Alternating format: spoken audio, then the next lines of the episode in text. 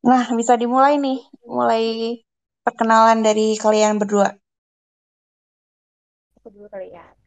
Halo teman-teman di the Space. Salam kenal, aku ya Sinta, nama aku. Untuk nomor panggung biasa aku pakai nama ya Hairi. Uh, maaf ya, bisa bisa agak keras suaranya.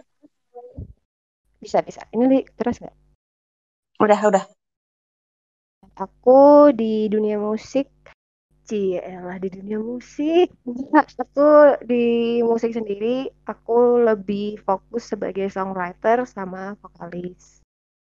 Tuh.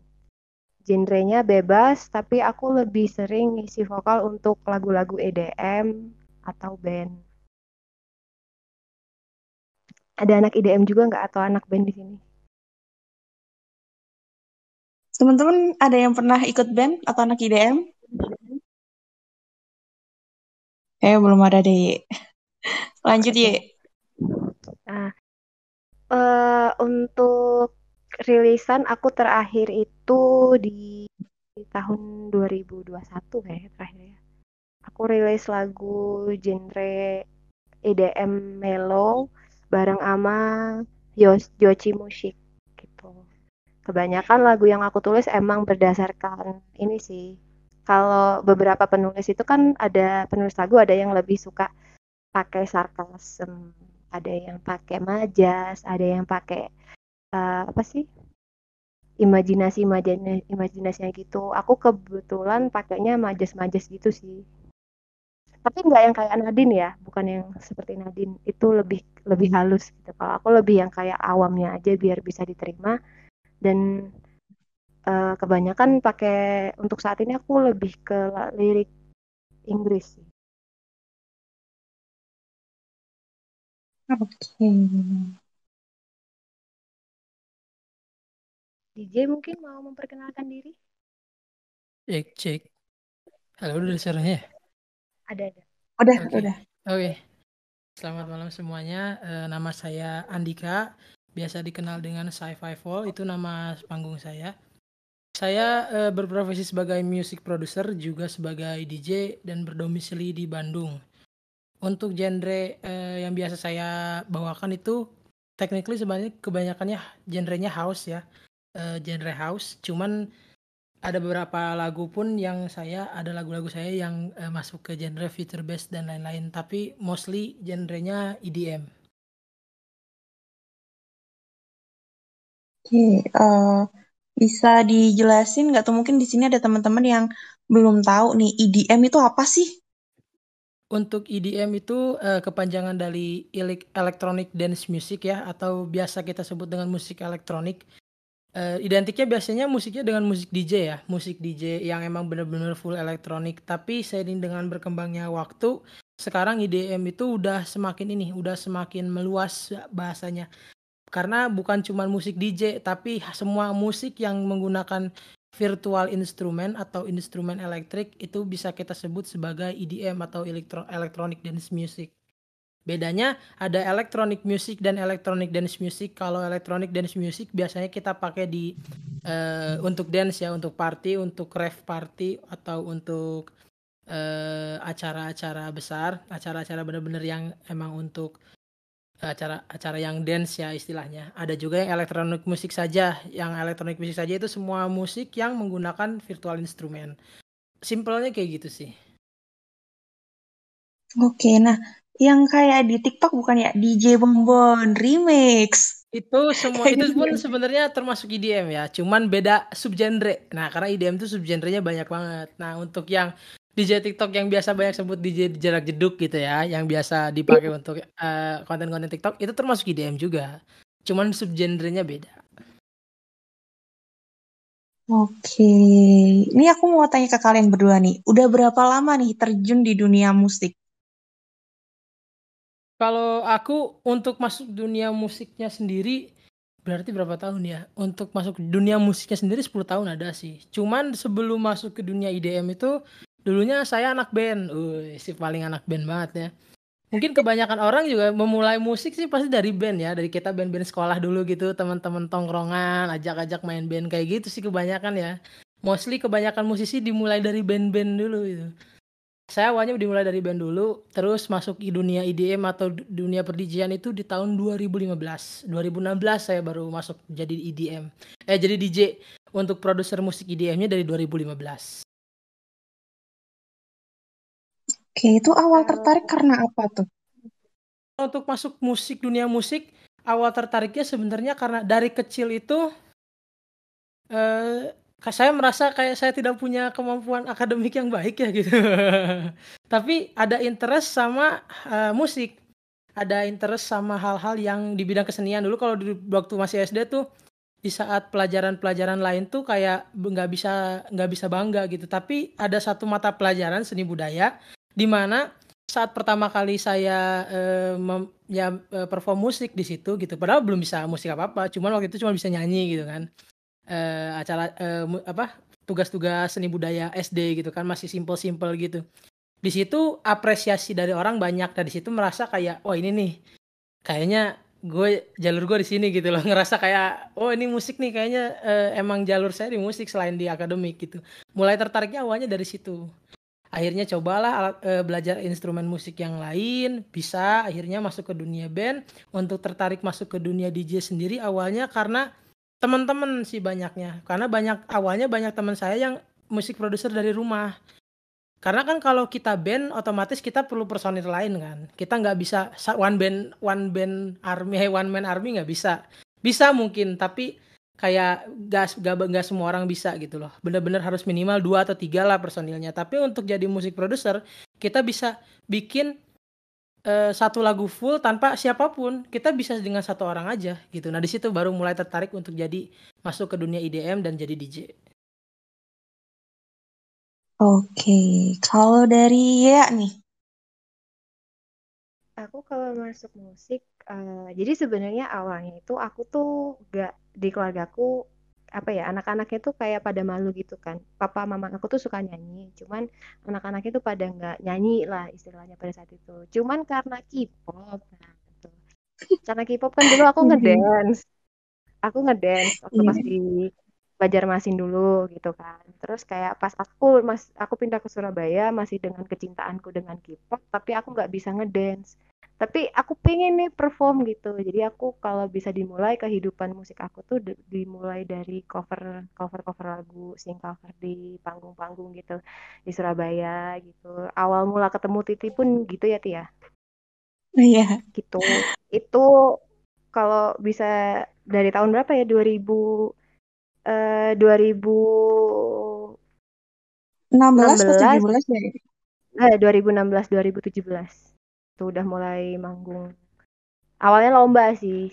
Itu mungkin salah satu tes juga ya kalau misalnya kamu suka musik kamu suka nyanyi coba aja nyanyi gitu. Terus ikut lomba dari zaman yang lomba gratisan yang lomba bayar tapi nggak ada uangnya yang gitu-gitu lah. Terus keterusan bikin lagu sendiri terus sampai sekarang ngerilis album eh album single single single sendiri. Tuh nah mulai tertarik rilis album nih kan aku juga tahu nih ya tuh suka banget sama yang namanya Lihai kan? Iya. Apakah apa uh, ada unsur-unsur Lihai di lagunya ya atau gimana tuh?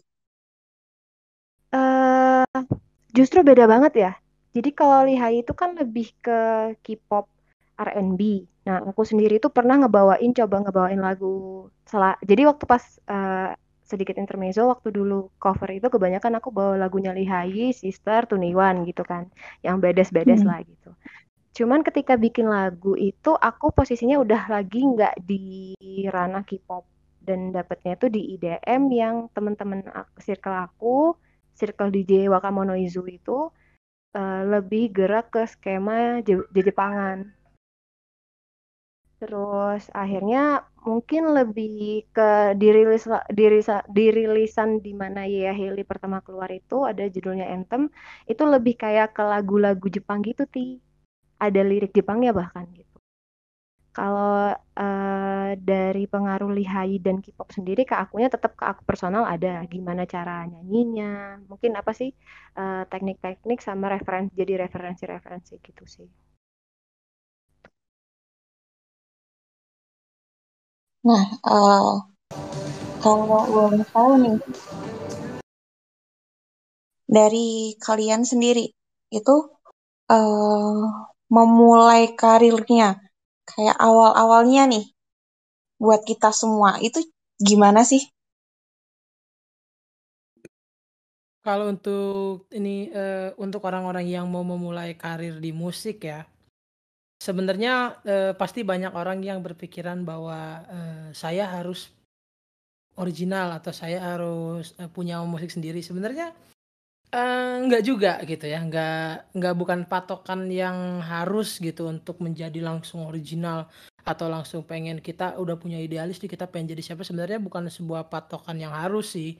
Kalau kita mau mulai bener-bener masuk dunia musik, masuk industri musik, maksudnya uh, yang kita bicarakan di sini dalam garis besar benar-benar kita mau uh, masuk industrinya ya, bukan cuma sekedar hobi gitu ya. Kalau emang cuma se sekedar hobi itu banyak cara. Maksudnya kita bisa cuman dengar cuman dengan nyanyi-nyanyi kita cuman dengan uh, cover-cover lagu dan lain-lain itu pun sudah bisa uh, masuk untuk hobi. Tapi kalau untuk memulai industri eh, nggak uh, harus kita langsung jadi original atau kita langsung kayak wah kita harus punya lagu sendiri dulu. Nggak juga dengan mulai start cover-cover lagu atau kita mungkin dengan apa uh, dengan kita yang ngisi-ngisi di di kafe-kafe atau mungkin kita ngisi di pensi-pensi. Nah, kalau yang buat sekolah-sekolah nih, kalau barangkali masih ada yang sekolah-sekolah di sini, uh, pensi itu adalah salah satu jalur kita bisa perform uh, terbaik, jalur terbaik di mana kita bisa perform dulu. Karena apa? Kita udah punya langsung udah punya masa, kita juga udah punya tempat, kita juga udah punya penyelenggara gitu. Kita udah nggak perlu lagi pusing nyari event di luar, siapa ionya dan lain-lain loh. Kan dengan adanya pensi sudah disediakan sama sekolah dan udah udah pasti ada masanya dong, udah pasti ada penontonnya dan itu teman-teman kita kan di sekolah. Pensi itu adalah jalur terbaik untuk memulai industri musik sebenarnya. Karena e, walaupun kita belum belum ada niatan nih mau kayak, "Uh, gue pengen fokus di musik atau pengen jadi e, kerja di musik nih." Tapi dengan kita ngikutin pensi itu kita punya istilahnya performance record lah ya. Kita pernah tampil di banyak di depan banyak orang. Kita juga pernah menget tahu rasanya gimana untuk menghibur. Karena yang paling penting adalah kalau kita mau masuk ke dunia musik kita harus tahu bahwa musik itu adalah dunia entertain. Dan di mana tujuan kita sebenarnya adalah entertaining people atau membuat orang apa namanya entertain itu eh, menghibur. nah menghibur ya. Nah tujuannya adalah menghibur kan tapi Eh, karena kebanyakan orang karena mereka terlalu fokus sama gua gua harus jadi original nih idealis gua kayak gini. Tapi mereka akhirnya nggak enjoy dengan musik mereka sendiri. Jadinya walaupun mereka bisa entertaining people tapi mereka sendiri nggak puas atau nggak senang akan hal itu itu bisa jadi hal yang percuma juga.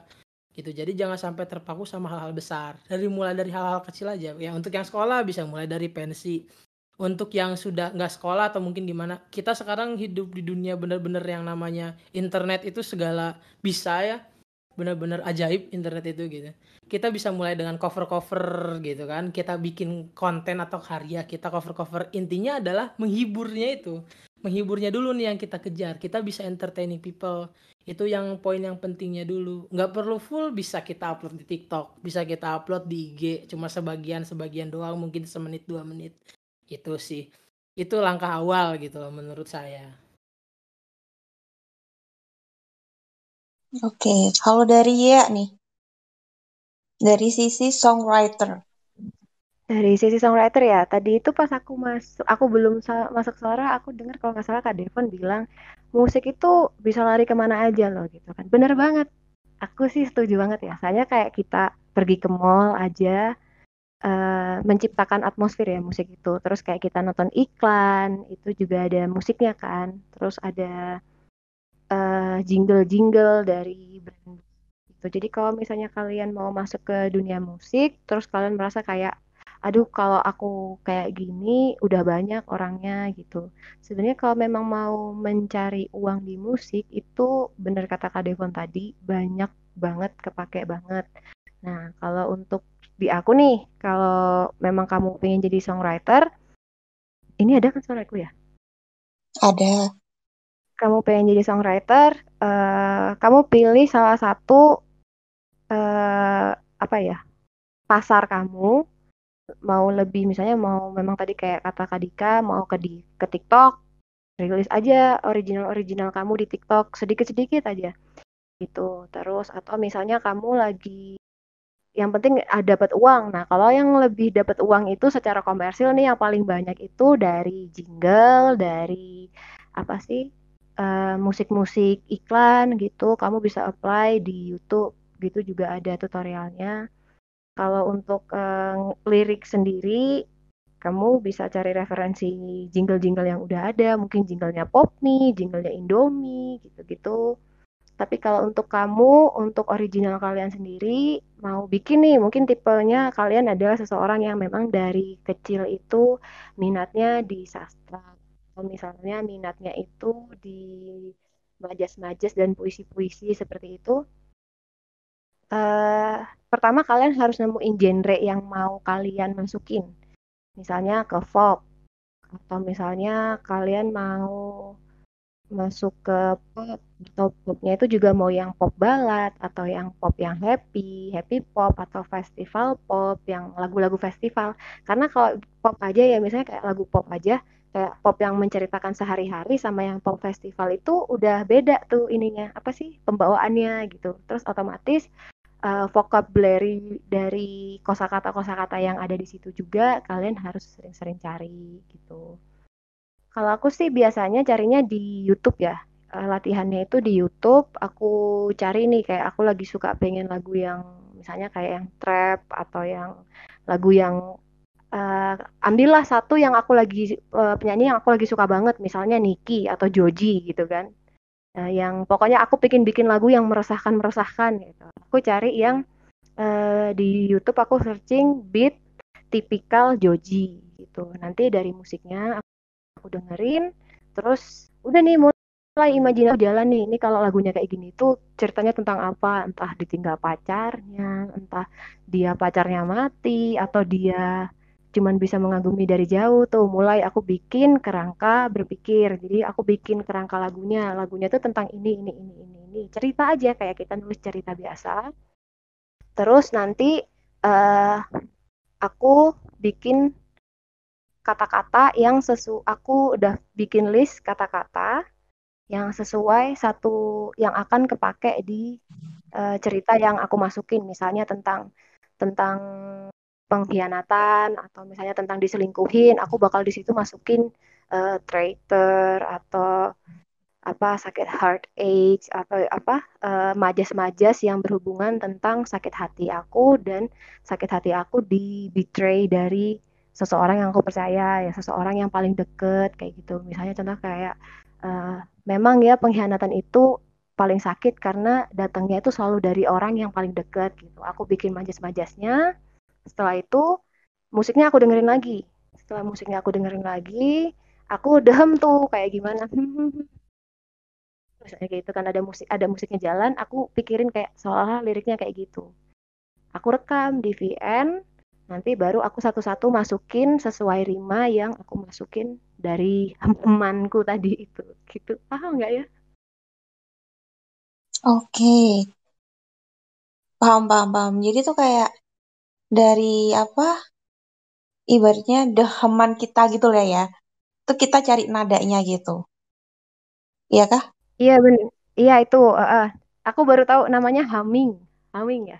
Okay. ya humming Man. Oke, nah uh, jadi ibaratnya tuh kayak kita nulis lagu tuh kayak kita nulis diary gitu ya, Ye?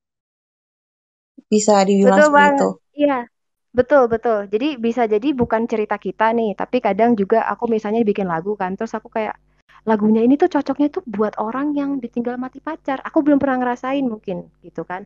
Aku cari temen yang mungkin ditinggal mati pacar atau misalnya nggak cuma tentang cinta ya. Beberapa uh, penulis lagu di Indonesia mereka nggak cuma nulis tentang cinta, mungkin dikira orang nih tentang cinta, tapi mungkin tentang cinta ketuhanan kayak Ben Leto atau mungkin kayak uh, yang gampang aja lah si siapa sih yang kemarin hater hater itu kan uh, pada ribut tuh tentang kayak oh si cowok yang nggak eh, si si si penyanyinya nggak bisa memiliki pasangannya karena ada yang di ada yang cewek yang dia suka si pas eh, si cowoknya suka sama cowoknya tapi uh, si cowoknya punya cewek udah punya pacar dan dia nggak bisa si, benci si cewek itu karena si cewek itu baik banget gitu kan aku mungkin cari teman-teman aku aku curhat bareng temen hmm. mungkin atau yang pernah nggak punya kayak gini? Gitu. Kadang tanya-tanya gitu sih ke teman-teman cerita orang itu lebih realistik. Dan menurut aku ketika musik itu nge-reach ke orang nggak mungkin cuma dia doang dong yang ngerasain. Pasti di luar sana ketika musik ini keluar di luar sana ada yang anjir ini musik gua banget. Ini liriknya ngena banget ke gua gitu. Kayak gitu sih. Hmm, kalau ngomongin soal gitu aku jadi kepikiran kayak Taylor Swift nih. Kan dia tiap bikin lagu tuh kadang kalau nggak habis patah hati ya jatuh cinta gitu kan. Atau G-Dragon biasanya tuh ketika dia ada ada persoalan sama hubungannya dia nulis lagu. Kayak gitu nggak sih, Ye? Bisa dibilang. Uh, truly aku iya. Jadi kadang tuh pernah ini nggak sih kalian tahu nggak sih kayak kemarin aja si Joji yang paling meresahkan itu mereka bisa bilang kayak gini jadi siapa glimpse of us kamu gitu kan cewek-cewek pada insecure tuh nanyain ke cowok-cowoknya karena itu di penulisnya juga sebenarnya dia membuat satu karakter uh, entah itu adalah dia sendiri atau orang lain yang bisa diadaptasi jadi kayak gini uh, si lagu ini tuh tentang si orang itu gitu loh sebenarnya kayak gitu kayak gitu oke okay. Nah, kalau apa? Itu dari sisi menulis lagu ya. Aku mau tanya nih, tadi kan sempat nyinggung soal genre.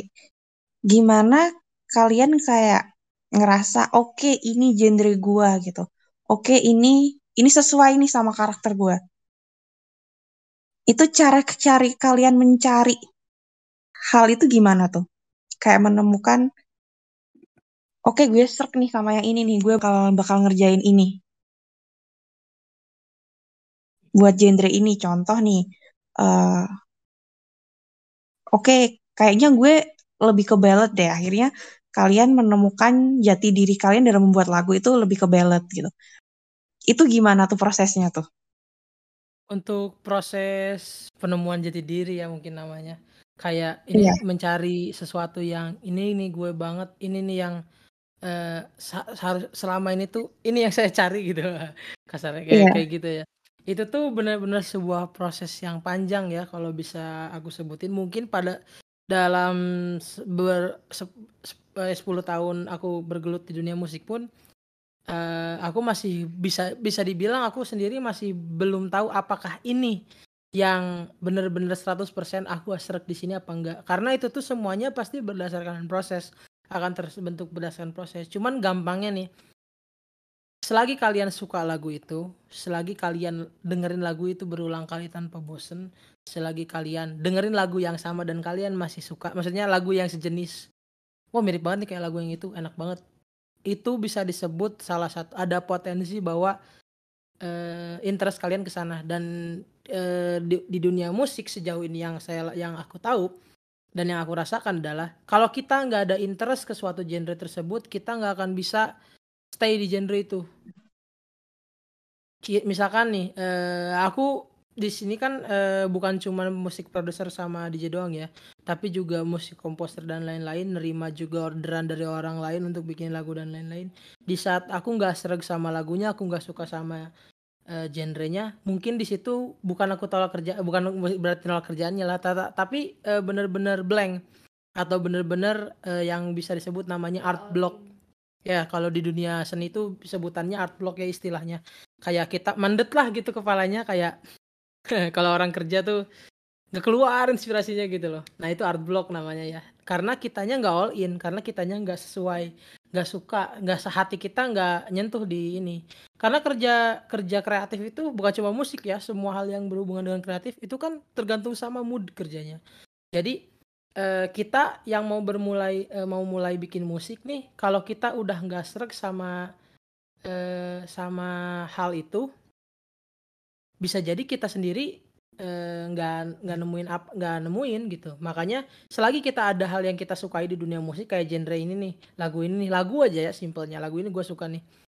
Eh, itu ada potensi bahwa kita eh, ini itu maksudnya kayak nemuin jati diri kita di situ gitu loh. Semakin kita explore lagu-lagu mereka misalkan suka satu band atau suka satu penyanyi atau suka satu musisi lagunya enak-enak nih semuanya. Ternyata ada satu lagu di mana dia eh, lagu-lagu yang lainnya ternyata kurang enak nih. Tapi lagu-lagu ini yang enak berarti bukan musisinya panutan kita berarti genrenya yang panutan kita. Kita cari genre yang lain yang sama. E, kalau bener sampai bener-bener kita menemukan bahwa oh ternyata gue tuh sukanya lagunya kayak gini loh. Yang atmosfernya kayak gini loh yang e, suasananya kayak gini loh. Dan itu semua bener-bener butuh proses sih sampai kita mengetahui kita sukanya di mana atau kayak kita nemuin titik di mana oh ini aku banget. Itu benar-benar sebuah proses yang panjang. Tapi itu sebuah proses yang menyenangkan juga gitu. Oke tadi kan sempat disinggung ya kalau apa namanya uh, bisa blank apa blok blok art ya, ya art block. itu ngatasinya tuh gimana tuh nah, kalau ketika dapat ya? klien nggak sesuai hmm ini benar-benar beda-beda. Tiap orang pasti punya cara mengatasi moodnya sendiri. Ada orang yang bisa ngatasin moodnya dengan ngerjain hal lain. Ada orang yang bisa ngatasin moodnya dengan ngopi. Mungkin kebanyakan orang ngopi ya, ngopi atau mungkin yang ngerokok saya ngerokok biasanya gitu kan. Mungkin yang gak ngerokok atau yang gak ngopi sambil makan, sambil minum atau refreshing keluar atau kerja keluar. Banyak sekali cara yang bisa dilakukan untuk kita eh, kalau kita lagi art block nih, terus kita bener-bener uh, harus kerjain ini caranya kayak gimana. Dan kekuatan terbesar untuk mengalahkan art block adalah deadline yang mepet dan kebutuhan yang sangat banyak. itu adalah hal yang sangat mendorong art block itu tiba-tiba pecah sendiri gitu. Selama ini yang saya rasakan kayak gitu ya. Cuman uh, untuk ngatur moodnya, untuk ngatur moodnya itu beda-beda. Jadi tiap orang bener-bener punya cara mengatasi uh, moodnya sendiri. Kayak gitu sih. Oke, kalau dari sisi songwriter nih, dari ya nih, pernah nggak ngalamin art block juga tuh? Terus ngatasinnya gimana? Art block uh, itu punya project ya dari tahun 2022. Uh, ya, suaranya putus-putus. Halo? Halo? Iya, kurang keras. Iya, sudah. Iya. Aku aku punya project dari tahun 2020 belum selesai karena apa ya? Eh, si, bukan kalau kalau art block itu tadi kayak dibilang Kadika itu orang punya cara ngatasinnya masing-masing ya. Kalau aku mungkin cerita sama temen gitu terus apa uh, dengerin cerita teman terus aku pindah tempat kerja kadang kayak gitu. Terus kebanyakan sih bener banget tadi kalau kebanyakan orang seni itu orang yang pinter procrastinating kan nanti nanti ah nanti nanti ah gitu tapi giliran udah deket kerjaannya kayak mau gak mau ini harus selesai gitu jadi kalau art block uh, bukan cuman di songwriternya pasti pernah juga di semua musik sih pasti pasti gitu. Oke. Oke, aku mau gitu. tanya ke Kak Andika nih. Boleh, boleh. Uh, kan Kak Andika kan sekarang genrenya di EDM nih. Kalau seumpama nih kita mau terjun di dunia EDM, apa hmm. nih yang mesti kita lakukan untuk pertama kali?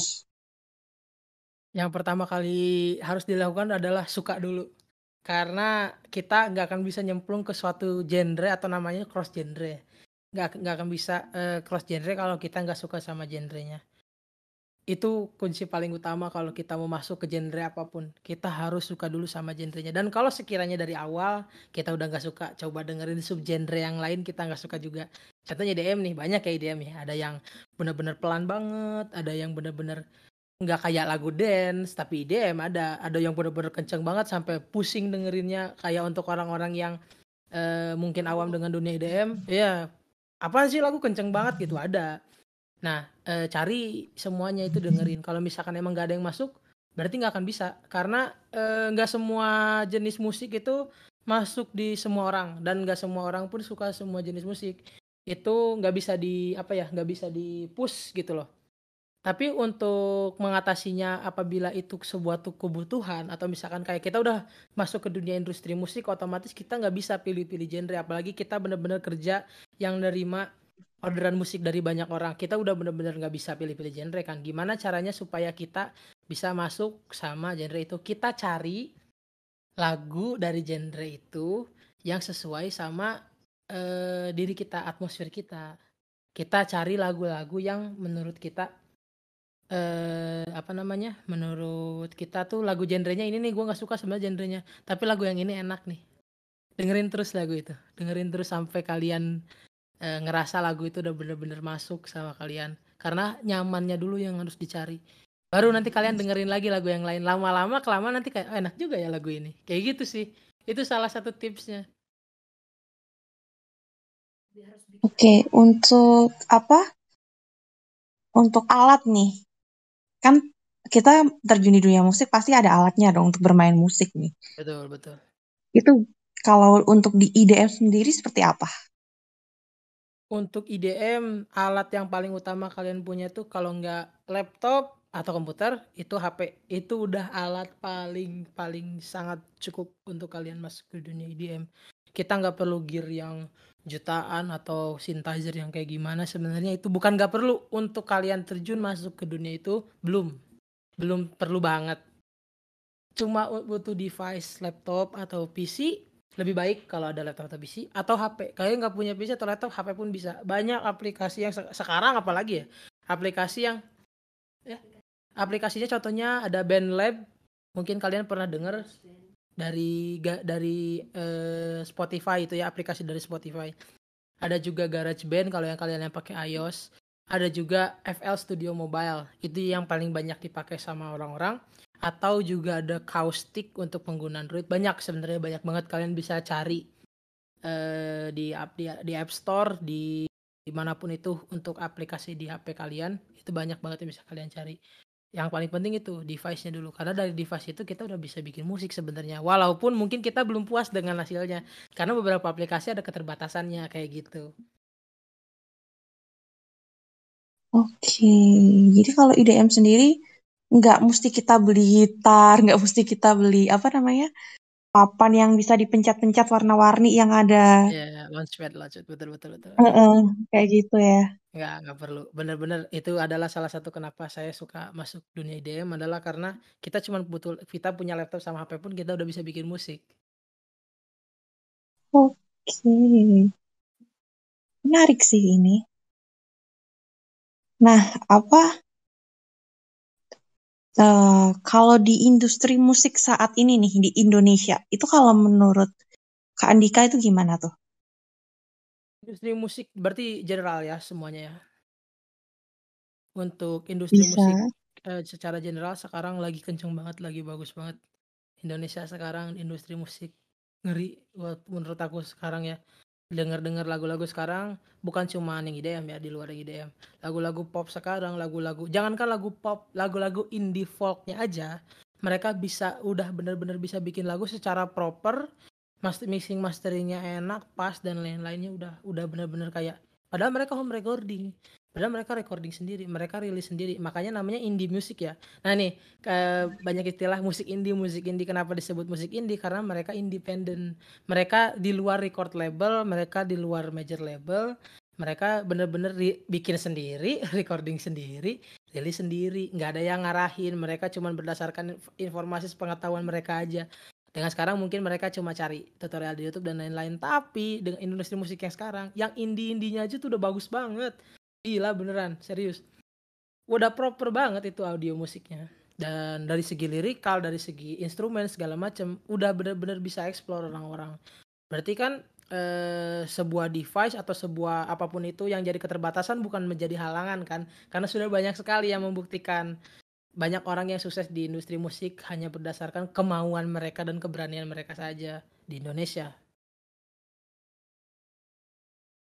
Oke, nah uh, aku sempat kepikiran ini kan kita kan kalau buat lagu itu kan dari dimulai bisa dimulai eh, bisa dimulai dari dengan humming ya.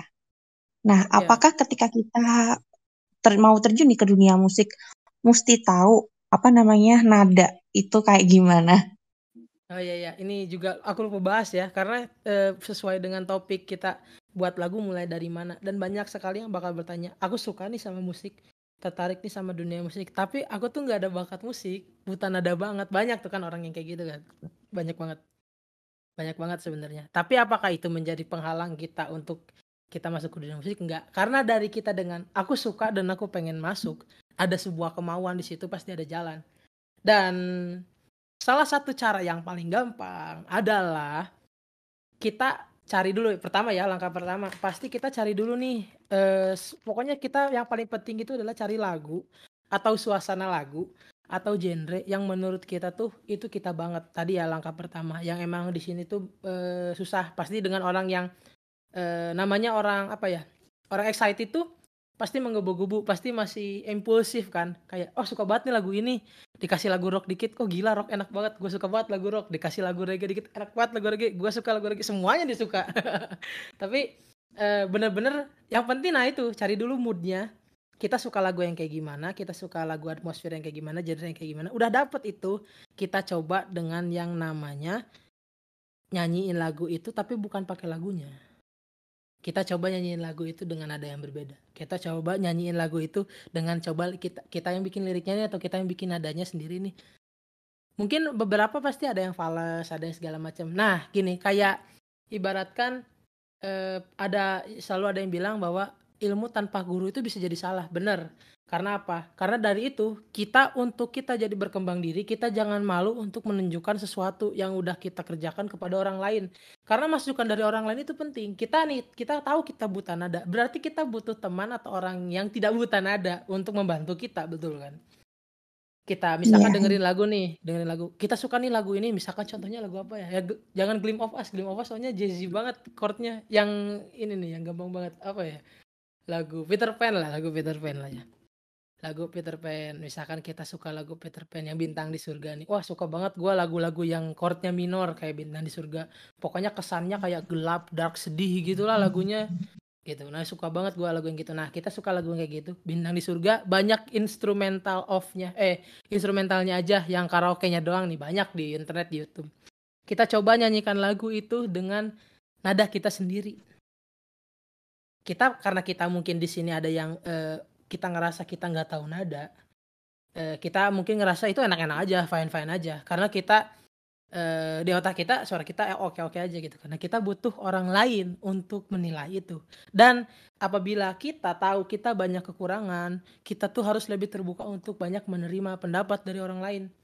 Saya pun sama dulu. Aku tuh cuma bisa nyanyi dulu. Nggak bisa main alat musik sumpah nggak bisa banget. Main gitar aja iri banget gitu lihat orang main gitar jago. Anak apa masuk SD itu kelas 5 SD tuh ada ada temanku sekelas tuh dulu pada main piano udah pada jago.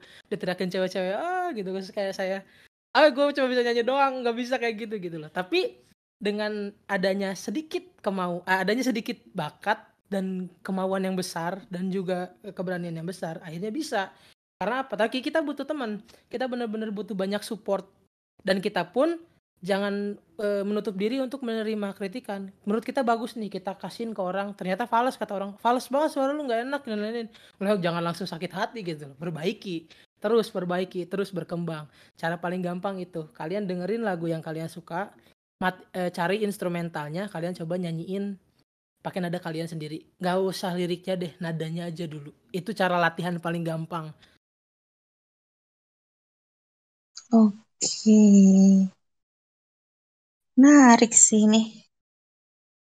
Terus ya kalau di industri musik di Indonesia nih, yang paling banyak diminati nih, sepengetahuan kalian nih, itu yang seperti apa sih?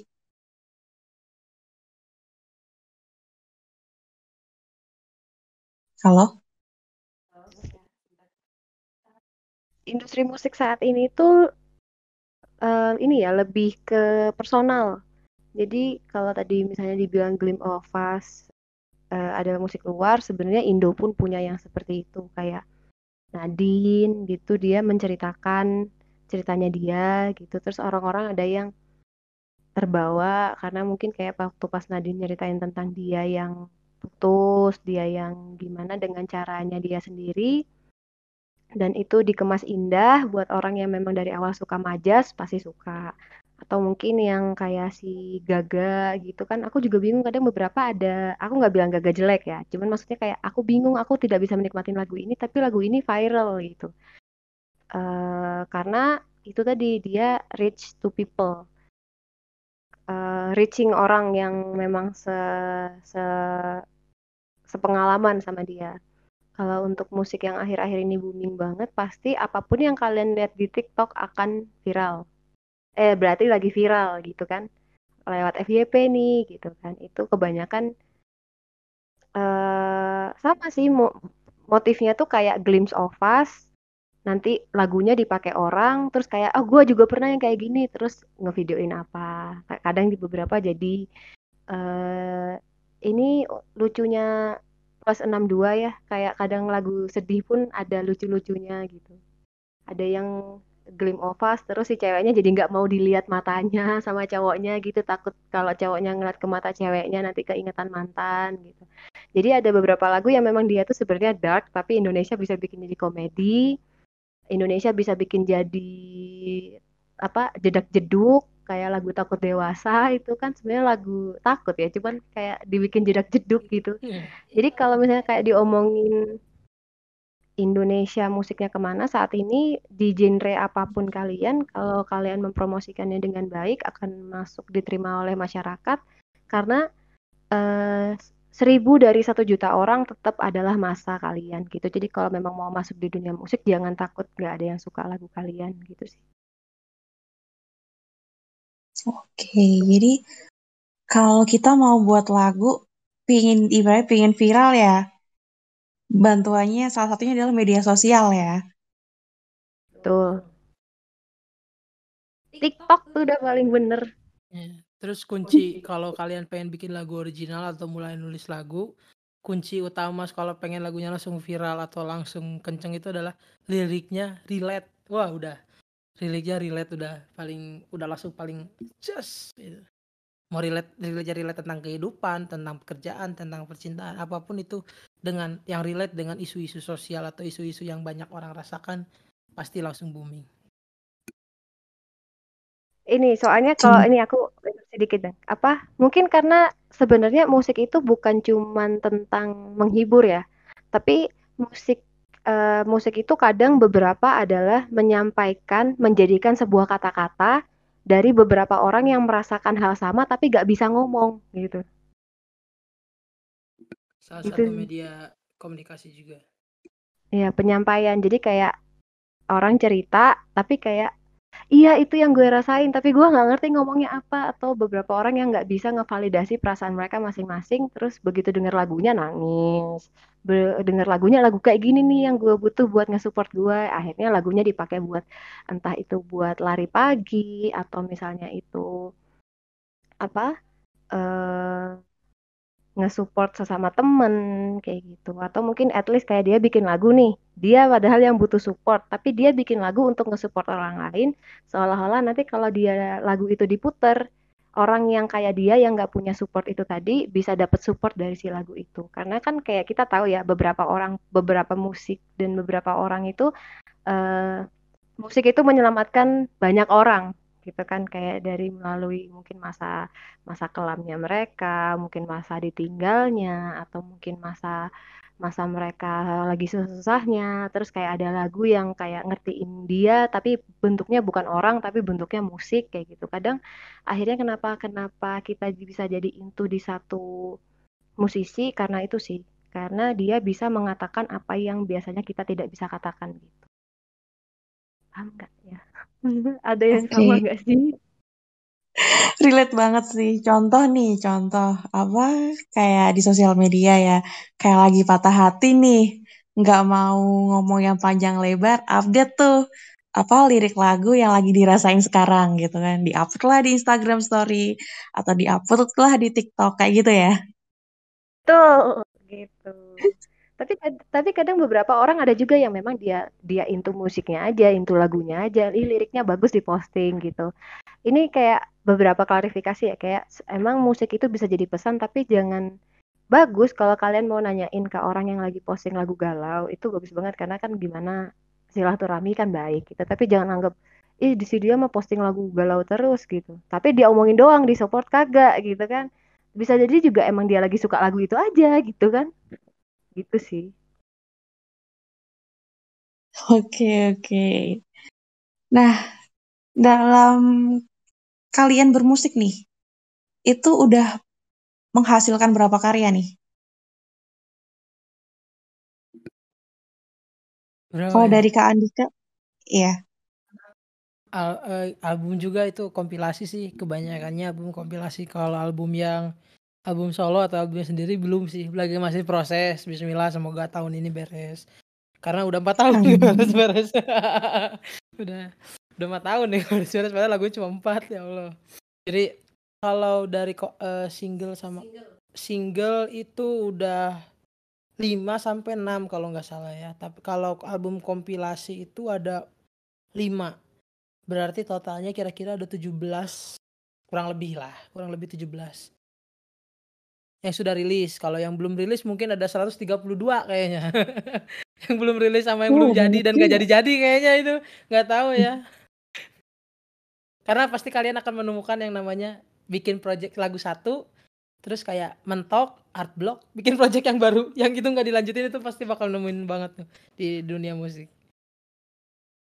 Kayaknya nggak cuma di dunia musik aja deh. Ketika kita membuat karya ya, yeah. itu juga bisa bisa aja terjadi. Jangankan karya ya, kadang kita mau cuci baju aja terus kita lapar jadinya makan lupa nggak cuci baju. Oke oke. Nah kalau dari ya nih, udah berapa lagu nih yang udah ya tulis? Uh, lagu yang udah ditulis 11, 15 ada. Yang udah rilis ini bunyi nggak sih? Bunyi. Iya, kedengeran kok, ya. Yang yang udah rilis itu empat empat ya? Empat. Enam mempunyai maki. Enam. Enam lagu. Tahun ini doain. Kayaknya nggak tahu sampai akhir tahun ini masih ada. Gak apa doain dulu aja mau beresnya tahun depan mau lima tahun lagi doain dulu aja. Oke. Aku lagi cari partner baru sih. Kalau ada yang mau cerita-cerita mungkin lagi boleh loh, boleh banget. Nanti aku pasti kasih kredit. Aku pasti kasih kredit kayak dari sahabatku ini ceritanya ini jadi lagu gitu. Boleh banget. Oke, bisa nih teman-teman. Eh, tapi di sini tuh ada nih uh, teman-teman tuh biasanya tuh curhat tentang relationship-nya. Itu di channel hmm. relationship. Kamu bisa baca tuh. Tapi kalau yes, kamu mau buat lagu kalau ya, kamu pamit buat ya, lagu, aku pamit. Ya, kalau mau buat lagu izin dulu sama yang punya, punya cerita, cerita. gitu. Hmm. Atau mungkin teman-teman di sini mau kolaborasi tulis tulis lirik bersama, aku open juga kok. Jadi kalau siapa tahu nih kayak kak aku uh, mau aku punya cerita kayak gini atau misalnya aku udah lirik aku udah separuh jalan nih, boleh kok apa reach aja aku di Discordku nanti mungkin bisa bareng mungkin kayak jadi bisa apa yang dari kemarin art blog nggak tahu atau mungkin atau mungkin udah tahu tapi separuh jalan kayak gimana lagi yang nyelesainnya gitu. Karena aku pasti juga aku butuhkan kayak aku bilang tadi aku punya banyak project yang ngandat mungkin karena gini uh, solois itu nggak selamanya kerja sendiri solois itu ketika dia berdiri di depan panggung dia solois dia nyanyi sendiri dia nyanyi sendiri. Tapi sebenarnya kerjanya pasti akan melibatkan orang lain. Dan ketika kita pilih partner atau kita pilih teman kerja untuk nulis bareng untuk jadi produser kita untuk jadi partner band itu adalah sebuah energi baru ya. Jadi itu tuh ngebantu banget sebenarnya gitu. Enaknya kalau kerja bareng di musik itu kayak gitu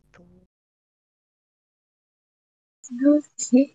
Nih ya buat teman-teman yang lagi galau gitu kan, kepingin ceritanya dibuat lagu, bisa nih langsung hubungin ke ya ya ya. ya.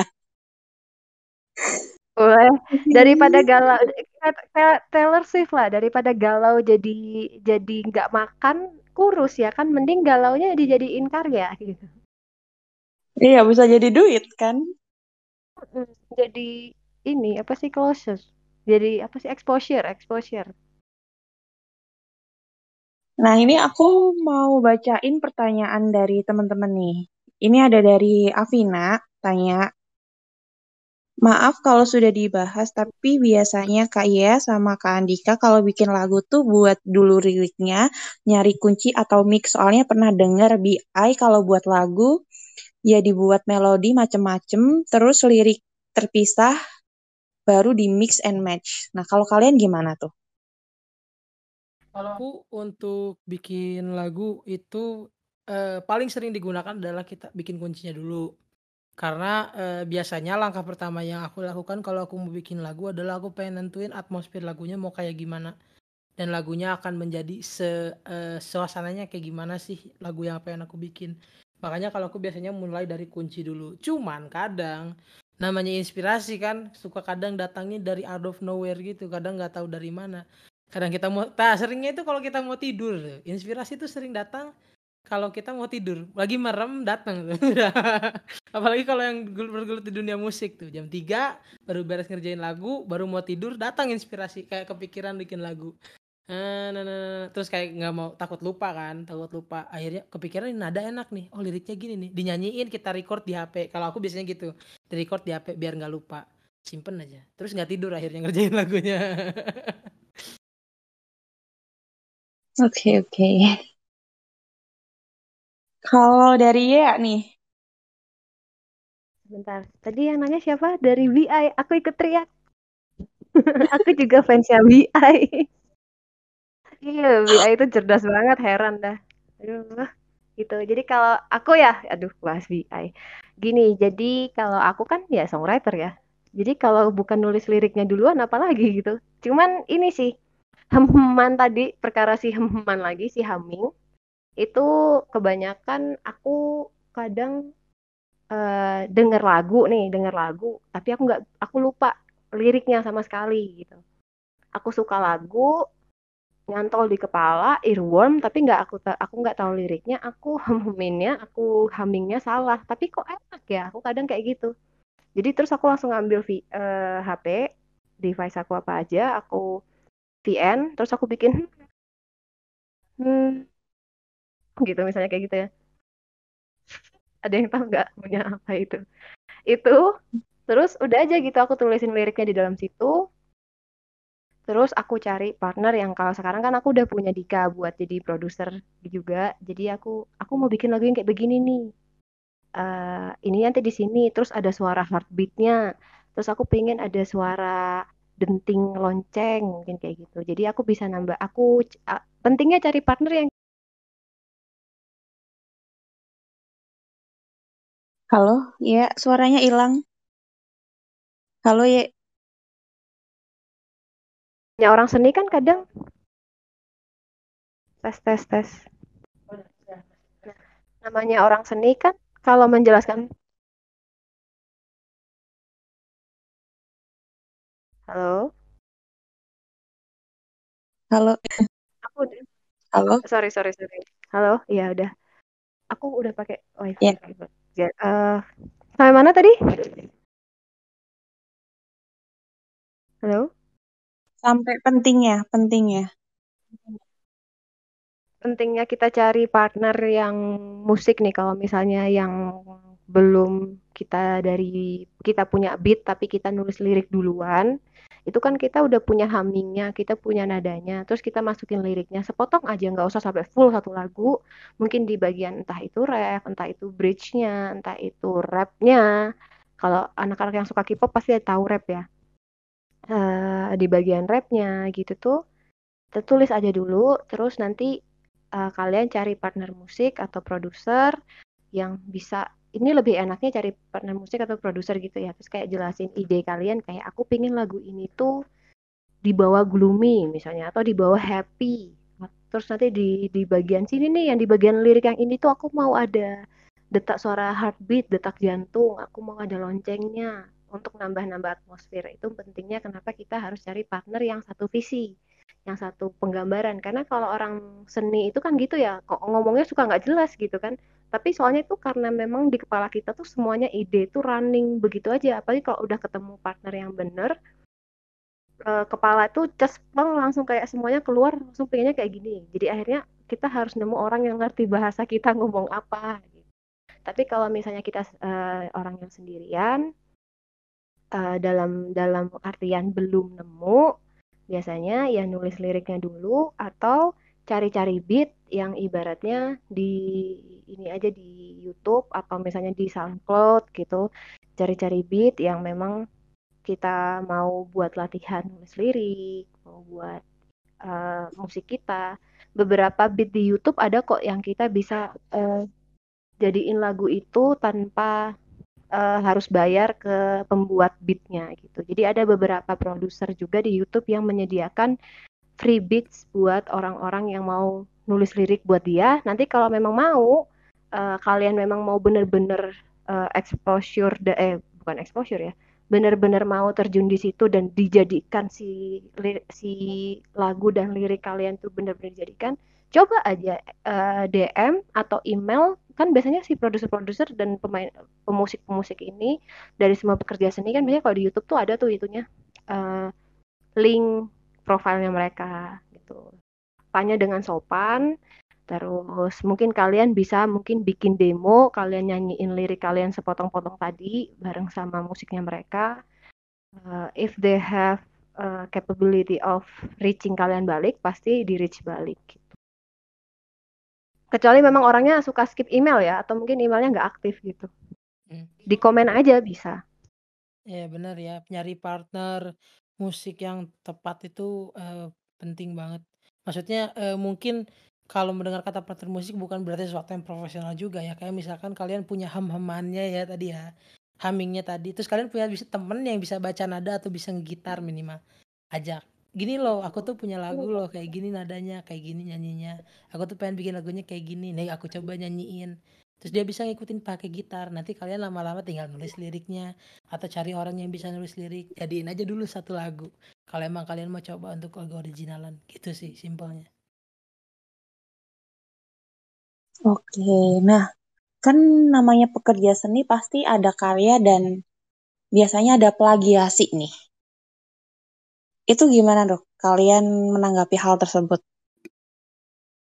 Plagiarisme ya atau plagiat ya ini bukan cuma di dunia musik ya semua seni pasti adalah salah satu musuh beratnya semua pekerja seni mungkin bisa disebut. Tapi eh, gimana ya?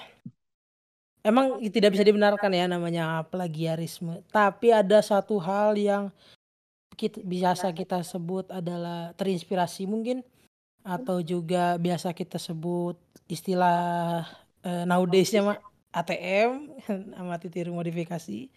Ada juga yang eh, nggak uh, sengaja mungkin sama alasannya sih banyak yang kayak gitu ya. Selagi dia tidak 100% uh, pakai karya kalian terus mereka rename judulnya doang karena banyak sekali kasus seperti nah itu di dunia IDM tuh banyak kali kasus kayak gitu. Kalian rilis lagu di rename sama orang di upload ulang sama orang seolah-olah itu lagunya mereka. Itu banyak banget kasusnya selagi tidak 100% sama persis itu menurut aku sih masih bisa ditoleransi ya. Tapi kalau udah bagannya eh, tapi ada bagan yang sama lirik yang nadanya sama persis karena namanya dunia musik itu nggak ada yang mutlak kalau menurut aku ya. Mungkin eh, satu ditambah satu eh, mutlaknya adalah dua tapi di dunia musik mungkin itu bisa jadi tiga bisa jadi empat kayak gitu sih jadi nggak ada benar-benar patokan yang mutlak selagi dia tidak 100% menggunakan semua yang udah kalian bikin capek-capek itu masih masih masuk toleransi kalau menurut aku Oke, apakah di teman-teman di sini ada yang ingin bertanya? Dipersilakan loh. Bisa langsung tanya, bisa langsung open mic.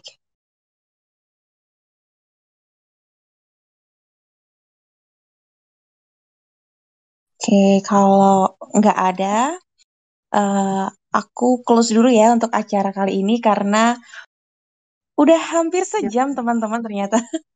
Ya, udah jam setengah sembilan. Iya, and thank you banget loh uh, buat ya, buat Kak Andika mau join Sama-sama. di event di Growth Space ini ngebahas soal musik, gimana caranya buat lagu, gimana caranya nulis lagu, sampai gimana apa namanya untuk menghasilkan lagu itu seperti apa gitu.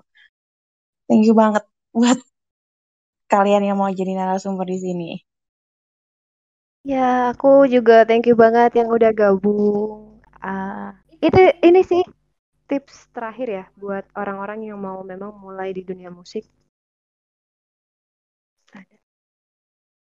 Uh, cari circle atau lingkungan yang memang mendukung kalian untuk maju dan growth space menurut aku udah keren sih. Betul. Oke, okay, thank you banget. Kalau kalian Iya, kalau kalian mau mau bergerak di dunia musik ya cari teman-teman yang juga main di dunia musik. Jadi kalian juga ada saling cermin gurunya gitu kayak eh uh, ini enak nggak gitu. Musiknya yang mau pamer musik baru gitu, boleh. Dan juga uh, dunia musik itu salah satu yang menurut aku menyenangkan tuh adalah proses ya. Jadi kalau apalagi kita punya circle yang pas, teman yang pas, partner yang pas, di mana kita akhirnya melihat kita bareng-bareng berkembang itu seru banget prosesnya serius. Oke. Okay. Nih ya, jadi kalian semua yang ada di sini nggak nyesel kan join di Growth Space. Karena kita bisa sharing ilmu, bisa bisa apa? Sharing apa berbagi gitu. Dan jangan pernah ngerasa kesepian karena kita di sini juga saling support. Oke, okay, thank you ya. Ken, thank you Kak Andika. You, Untuk sesi kali ini aku aku tutup ya teman-teman. Okay. Okay. Bye bye. Bye. Thank you, thank you.